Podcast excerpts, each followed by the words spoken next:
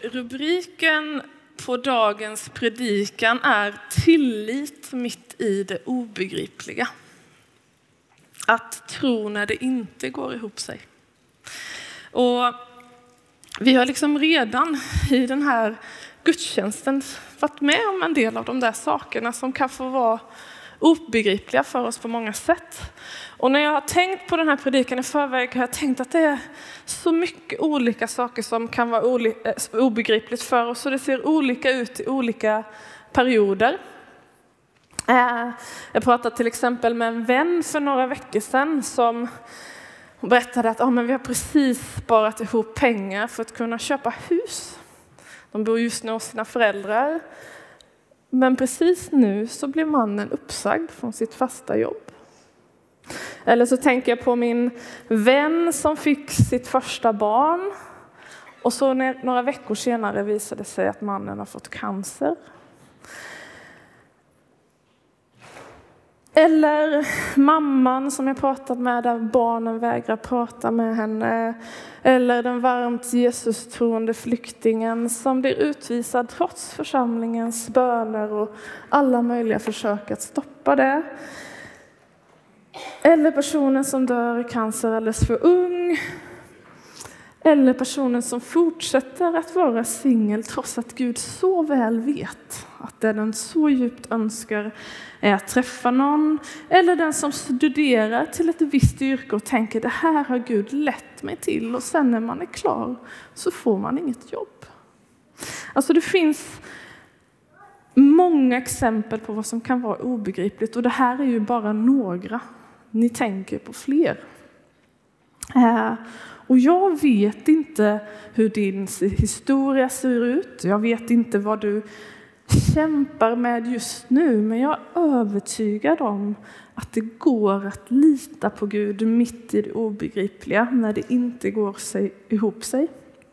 Inte på ett sånt här liksom, hurtigt sätt, nu ska jag min sann, utan kanske mer genom att säga som lärjungarna säger till Jesus i Johannes 6 och 68. Herre, till vem skulle vi gå? Till vem skulle jag gå mitt i det obegripliga om inte till dig? Vi ber en bön. Jesus, tack för att du känner oss var och en här inne. Du känner också den som är hemma och lyssnar på det här efteråt. Tack för att du vet, känner hela våra liv, hela våra glädjeämnen men också vår smärta och vår sorg. Och nu ber jag att du ska lära oss och visa oss att det går att luta sig mot dig när livet inte går ihop sig. Amen. En del känner kanske igen mig, andra gör det inte. Jag heter Sofia Jonsson och jobbar här som ungdomspastor. Och ibland när jag ska förklara för ungdomarna vad tro är, då använder jag mig av en stol. Och man kan säga så här om tro, att tro handlar om att luta mot något med hela sin kraft och med hela sin tyngd. Alltså tro handlar om att Lita på Gud. Lita på att Gud håller. Sen är det ju sådär att genom hela Bibeln så har människan svårt att lita på Gud. Vi har svårt med tilliten i Bibeln och det har ju vi med. Men tro handlar om att mer och mer få lita på att Gud håller, att luta sig emot. Uh. Och jag minns en period då jag själv kämpade sådär extra mycket med det här. Kan jag luta mig mot Gud? Kan jag lita på Gud? Är Gud verkligen god? Och jag läste då till fritidsledare här i stan och höll på att eh, skriva en mindre uppsats där det gick ut på att jag skulle intervjua några gymnasieungdomar om deras erfarenheter av tro. Och så satt jag där och pratade med en kille som inte var kristen. Och så sa han så här. Om Gud finns är det ändå ingen jag skulle vilja göra high five med direkt. när världen ser ut som den gör. Och jag minns att jag, men att jag kände att jag förstod hans känsla och hans tanke. Och jag hade ju själv brottats med det här och brottades fortfarande med det. Kan jag lita på Gud när världen ser ut som den gör? Kan jag lita på Gud när mitt liv ser ut som det gör? men där och då så slog det mig, och jag sa ju inte det här till den här killen för det här var en intervju. Alltså jag, tanken är inte att jag ska säga massa saker tillbaka. Men där liksom kom det över mig att jag tror faktiskt inte på en Gud som har övergett sin skapelse. Jag tror inte på en Gud som har lämnat oss med smärtan mitt i det obegripliga, utan på en Gud som delar smärtan med oss. En Gud som när rövarna liksom spikas upp på ett kors på en sida och på en annan sida och tänker Gud vad är det här? Så är Guds svar, men jag hänger på korset i mitten. Jag finns mitt emellan er. Och när jag berättade så här så kan det ju framstå som att det där gick ganska lätt. Alltså att jag tog till mig det där att ja, men Gud är närvarande i smärtan. Men det här är faktiskt slutet av berättelsen. Eller kanske inte slutet, men det är liksom ja, men det är i slutet av just den berättelsen. Och jag hade kämpat med det där ett par år med det som jag tyckte var obegripligt och väldigt smärtsamt. Men så plötsligt så bara sjönk det in. Jag tror inte på en Gud som är långt borta, utan tror på en Gud som delar smärtan med oss. Det här var ju några år sedan nu. Eh, och det betyder inte att jag alltid tänker och känner så. Jag har fortfarande väldigt lätt för att bli orolig. Jag undrar varför saker händer. Ehm, jag tycker saker är obegripligt och så glömmer jag i det liksom bort att Gud går att lita på. Men jag tänker, låt oss idag tillsammans påminna oss och träna oss i att lita på Gud. Och då är ju frågan, hur, hur gör man det? Hur litar man på Gud? Um, och jag tänkte att vi ska kolla lite på det genom att följa eh, Jesu mor Maria. Hur hon gjorde. När Maria var ungefär 14 år så hände det där obegripliga. Alltså Maria är förlovad med Josef, det är honom hon ska gifta sig med. Men så kommer en ängel och visar sig för henne. Och eh, Maria blir såklart rädd när en sån här ängel helt plötsligt kommer in Eh, där hon är. Och, men ängeln säger lugnande, ja, men du har funnit nåd hos Gud.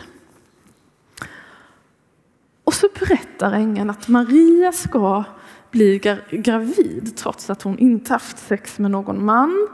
Och tanken är ju inte heller att hon ska föda Josefs son så småningom, utan, vilket ändå kunde vara lite logiskt då, utan att hon ska bli mor till Guds son genom den helige Ande.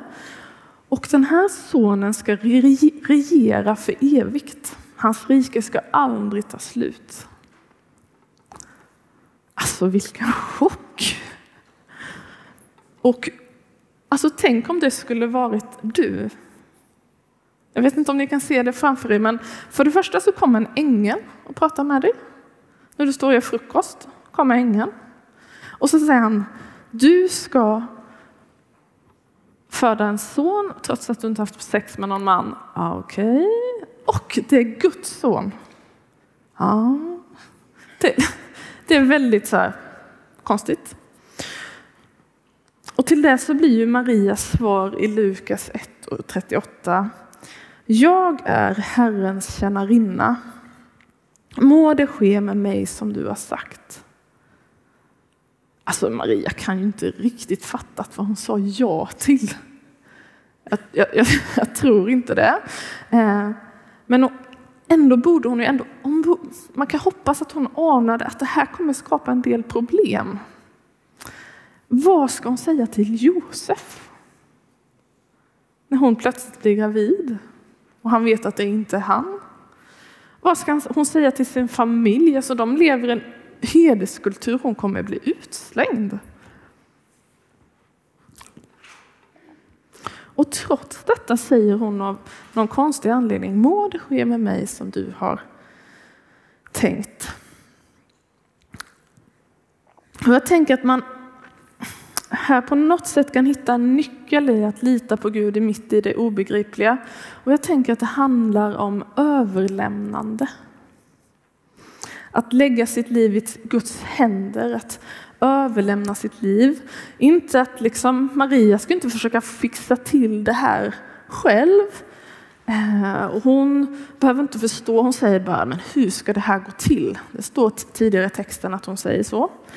Ehm, men att överlämna sitt liv och säga, men jag förstår inte, jag fattar inte, jag förstår inte smärtan som jag utsätts för, men Gud, jag lämnar mitt liv i dina händer. Jag väljer att lita på att du är god och att du vill mig väl.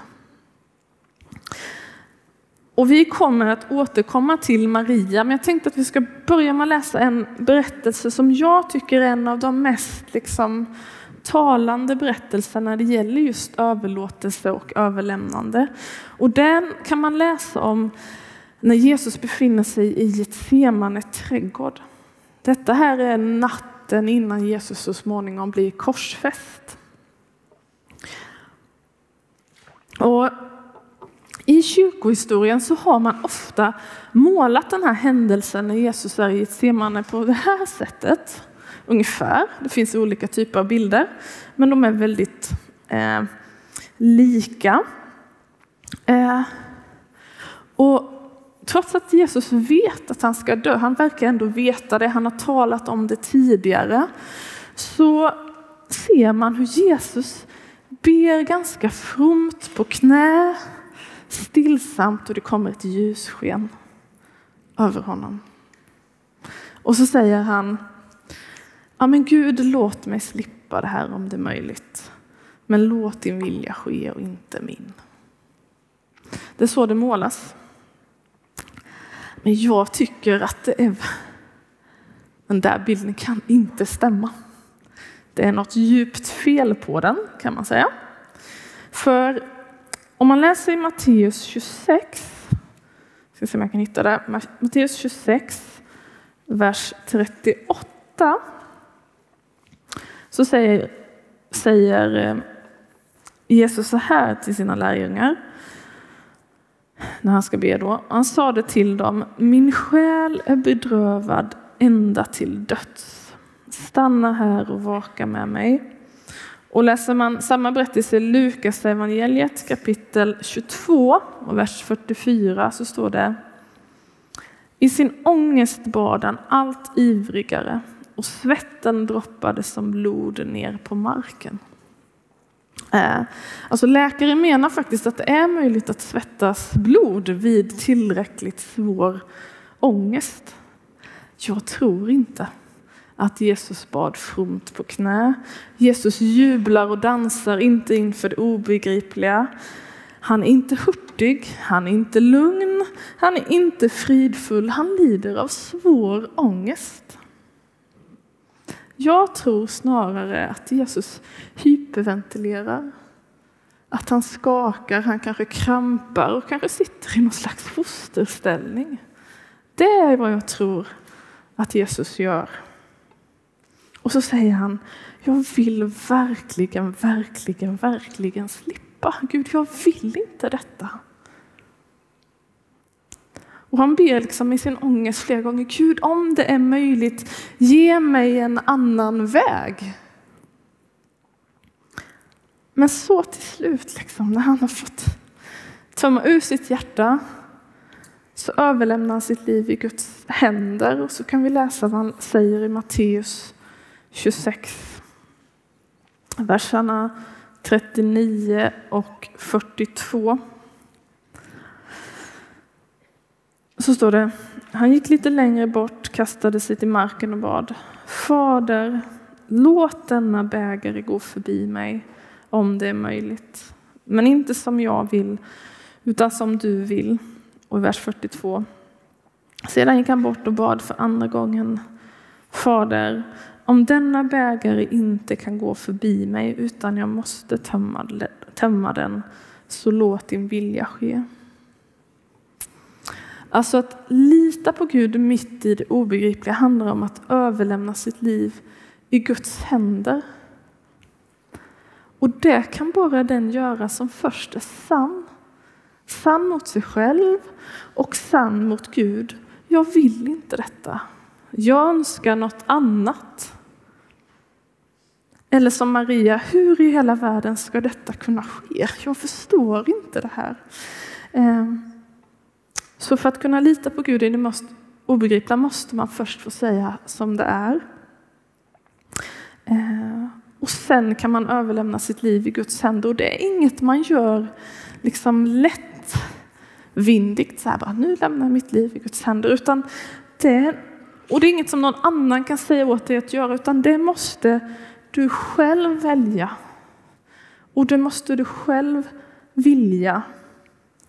Och för att du ska kunna göra det så måste du på något sätt tro att Gud är god. Att Gud vill dig väl, annars så kan man inte göra det. Och jag tänker så att insikten om Guds godhet är är något som vi ofta behöver få växa fram i våra liv. Den kommer inte bara så här, nu får du hela paketet, utan det måste få växa fram. Och vi upptäcker det mer och mer, mer stegvis. Och jag tänker också att vi ofta, det var bra ett tag, jag hade en så här treårsdagbok när man skrev på en ny dag så kom man nästa år tillbaka till samma sida så man kunde se vad man skrivit förra året innan. Jag tänker sådana där dagböcker är rätt så bra. För jag glömmer väldigt fort.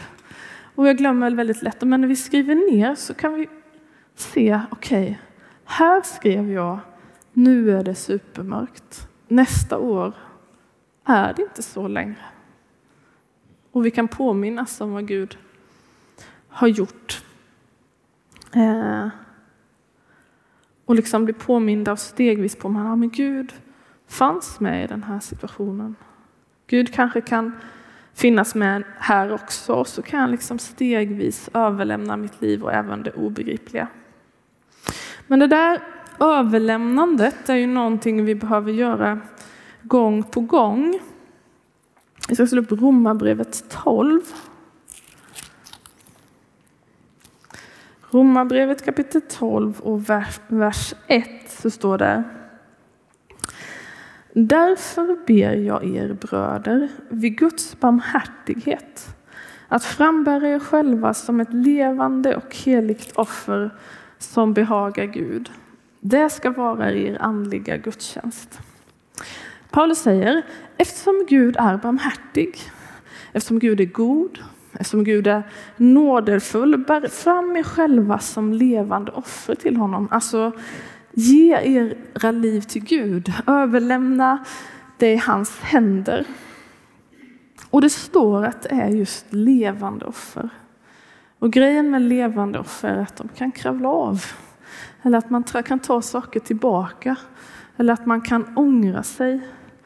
Och vi kan ångra oss. Det kanske är att bara, men nu lämnar jag det här och sen blir vi osäkra och så backar vi. Och därför behöver vi gång på gång överlämna våra liv i Guds händer. Eh, och jag tänker att detta fick Maria också göra. Eh, hon var ju 14 när ängeln kom på besök och eh, jag vet inte exakt när det var, men så småningom så går de till templet för att tacka för att Jesus har fötts och ge dem offer som var eh, som man skulle ge. Och då kommer en man till dem i Lukas evangeliet kapitel 2.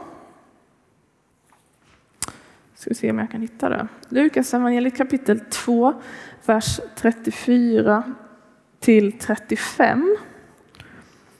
Så säger han så här. Och, och Symeon välsignade dem och sade till hans mor Maria detta barn ska bli till fall eller upprättelse för många Israel och till ett tecken som väcker strid. Ja, också genom din egen själ ska det gå ett svärd för att många, mångas innersta tankar ska komma i dagen.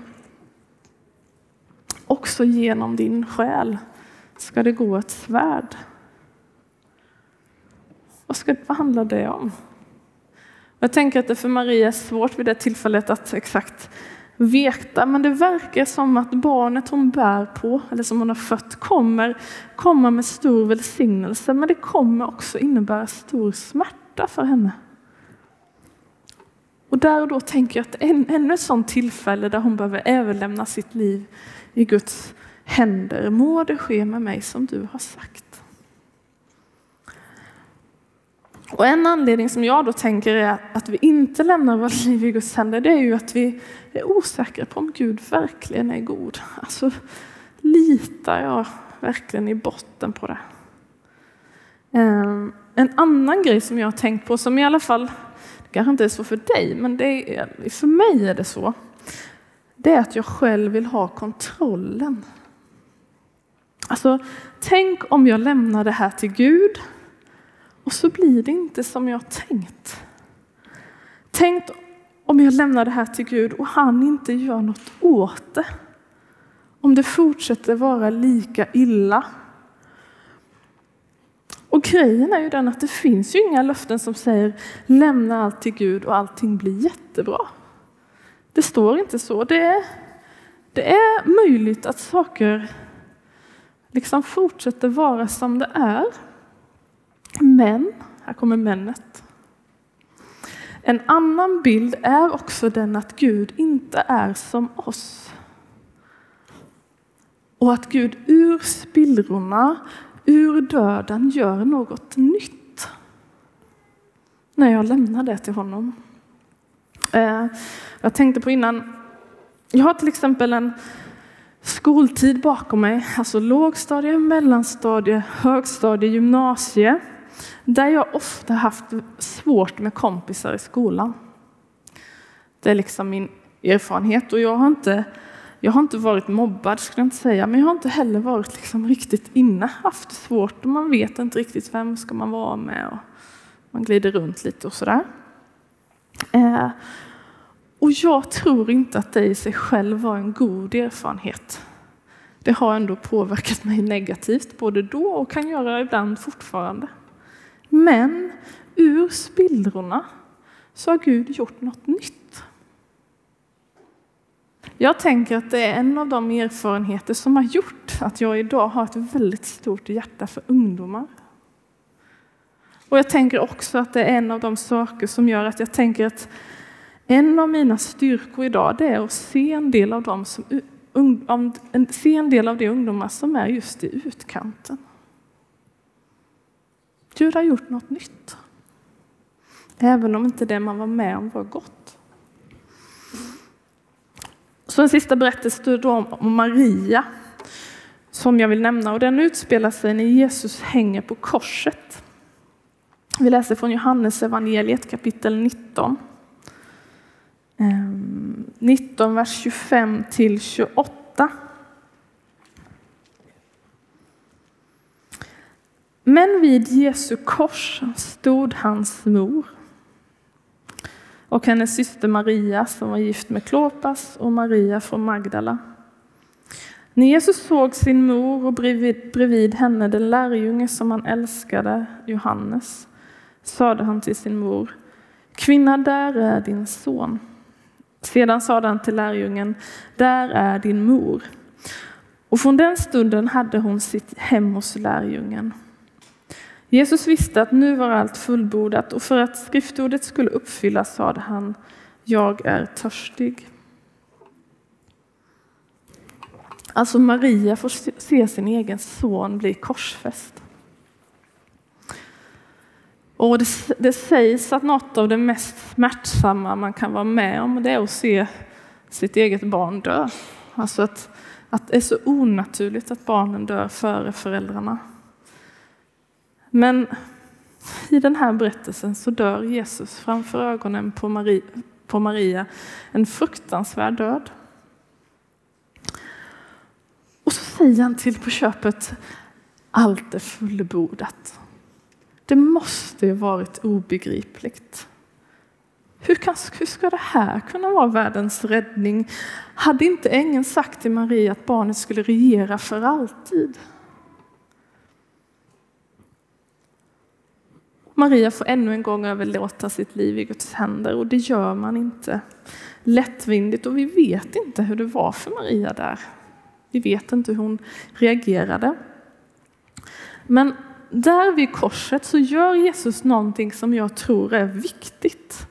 Han säger till sin lärjunge som han älskar, som vi tror är lärjungen Johannes, där är din mor. Och till Maria, där är din son. Och från den stunden så hade Maria sitt hem hos Johannes. Alltså när vi far illa, när vi drabbas av det obegripliga eller det som vi så gärna önskat inte blir av, så drar vi oss lätt undan. Alltså inte bara från Gud utan också från andra människor. Ifrån församlingen och det kan ju vara av olika anledningar. En anledning tänker jag är att man faktiskt blir väldigt fysiskt trött och utmattad av sorg. Alltså du, du har inte orken, förmågan. Ehm, men en annan anledning tänker jag att vi vi orkar inte möta människor som vi just då tycker verkar vara så lyckliga, som verkar få ihop allt, som verkar ha sån där tillit till Gud medan jag bara håller dig borta.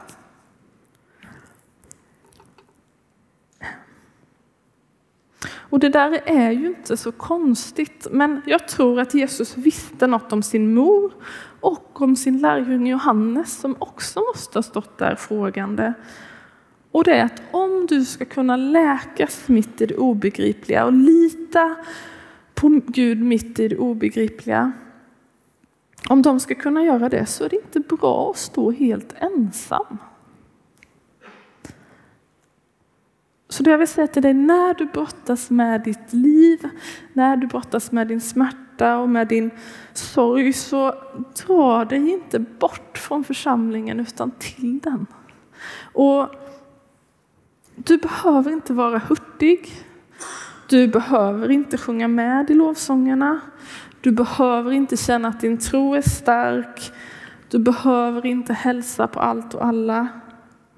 Men om du ska kunna läkas, om du ska börja ana Guds godhet igen så behöver du vara med i församlingen på något sätt. För att det är genom människor som vi få möta Guds händer och Guds omsorg. Det är genom församlingen som Gud som tydligast visar vem han är. Och om du är här idag som just har precis släpat dig hit. Jag är så glad att du är här. Och du behöver inte göra något speciellt. Det räcker väldigt väl med att du är här med din kropp. Och om du känner att min tro håller på att slockna, det är verkligen som en tynande låga. Eller om du tycker att ditt liv är värdelöst eller obegripligt, jag är glad att du är här. Och vet du att just nu, när du inte orkar eller kan, så vill jag tro i ditt ställe, hoppas i ditt ställe. För att du en dag, när jag inte orkar, får tro och hoppas i mitt ställe. Och jag tror att det funkar, för det har den här församlingen redan gjort för mig.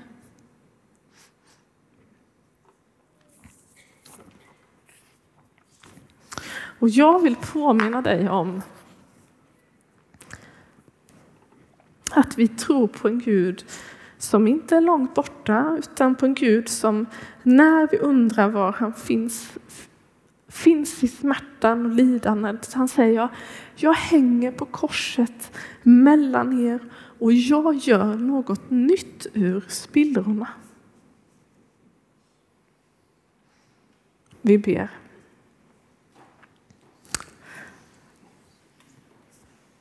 Jesus. Tack för att du är en Gud som inte är långt borta utan som vill dela smärtan och lidandet med oss. Och du vet den som just nu känner att jag, min kraft har tagit slut. Jag förstår inte det här eller vad det än är. Jag ber om din närvaro in i det.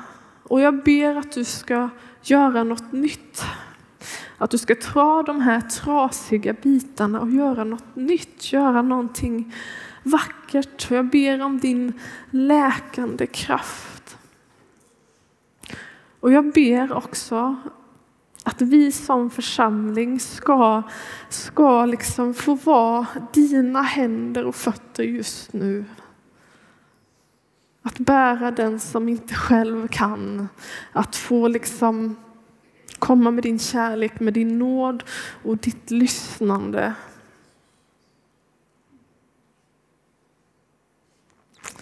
Amen. Vi ska gå in i bön och eh, lovsång. Och vi kommer som vanligt ha förbön här under, under läktaren. Om du känner att jag vill att någon ska be för mig. Och det kan vara olika saker. Men till dig som finns i det obegripliga, gå på förbön.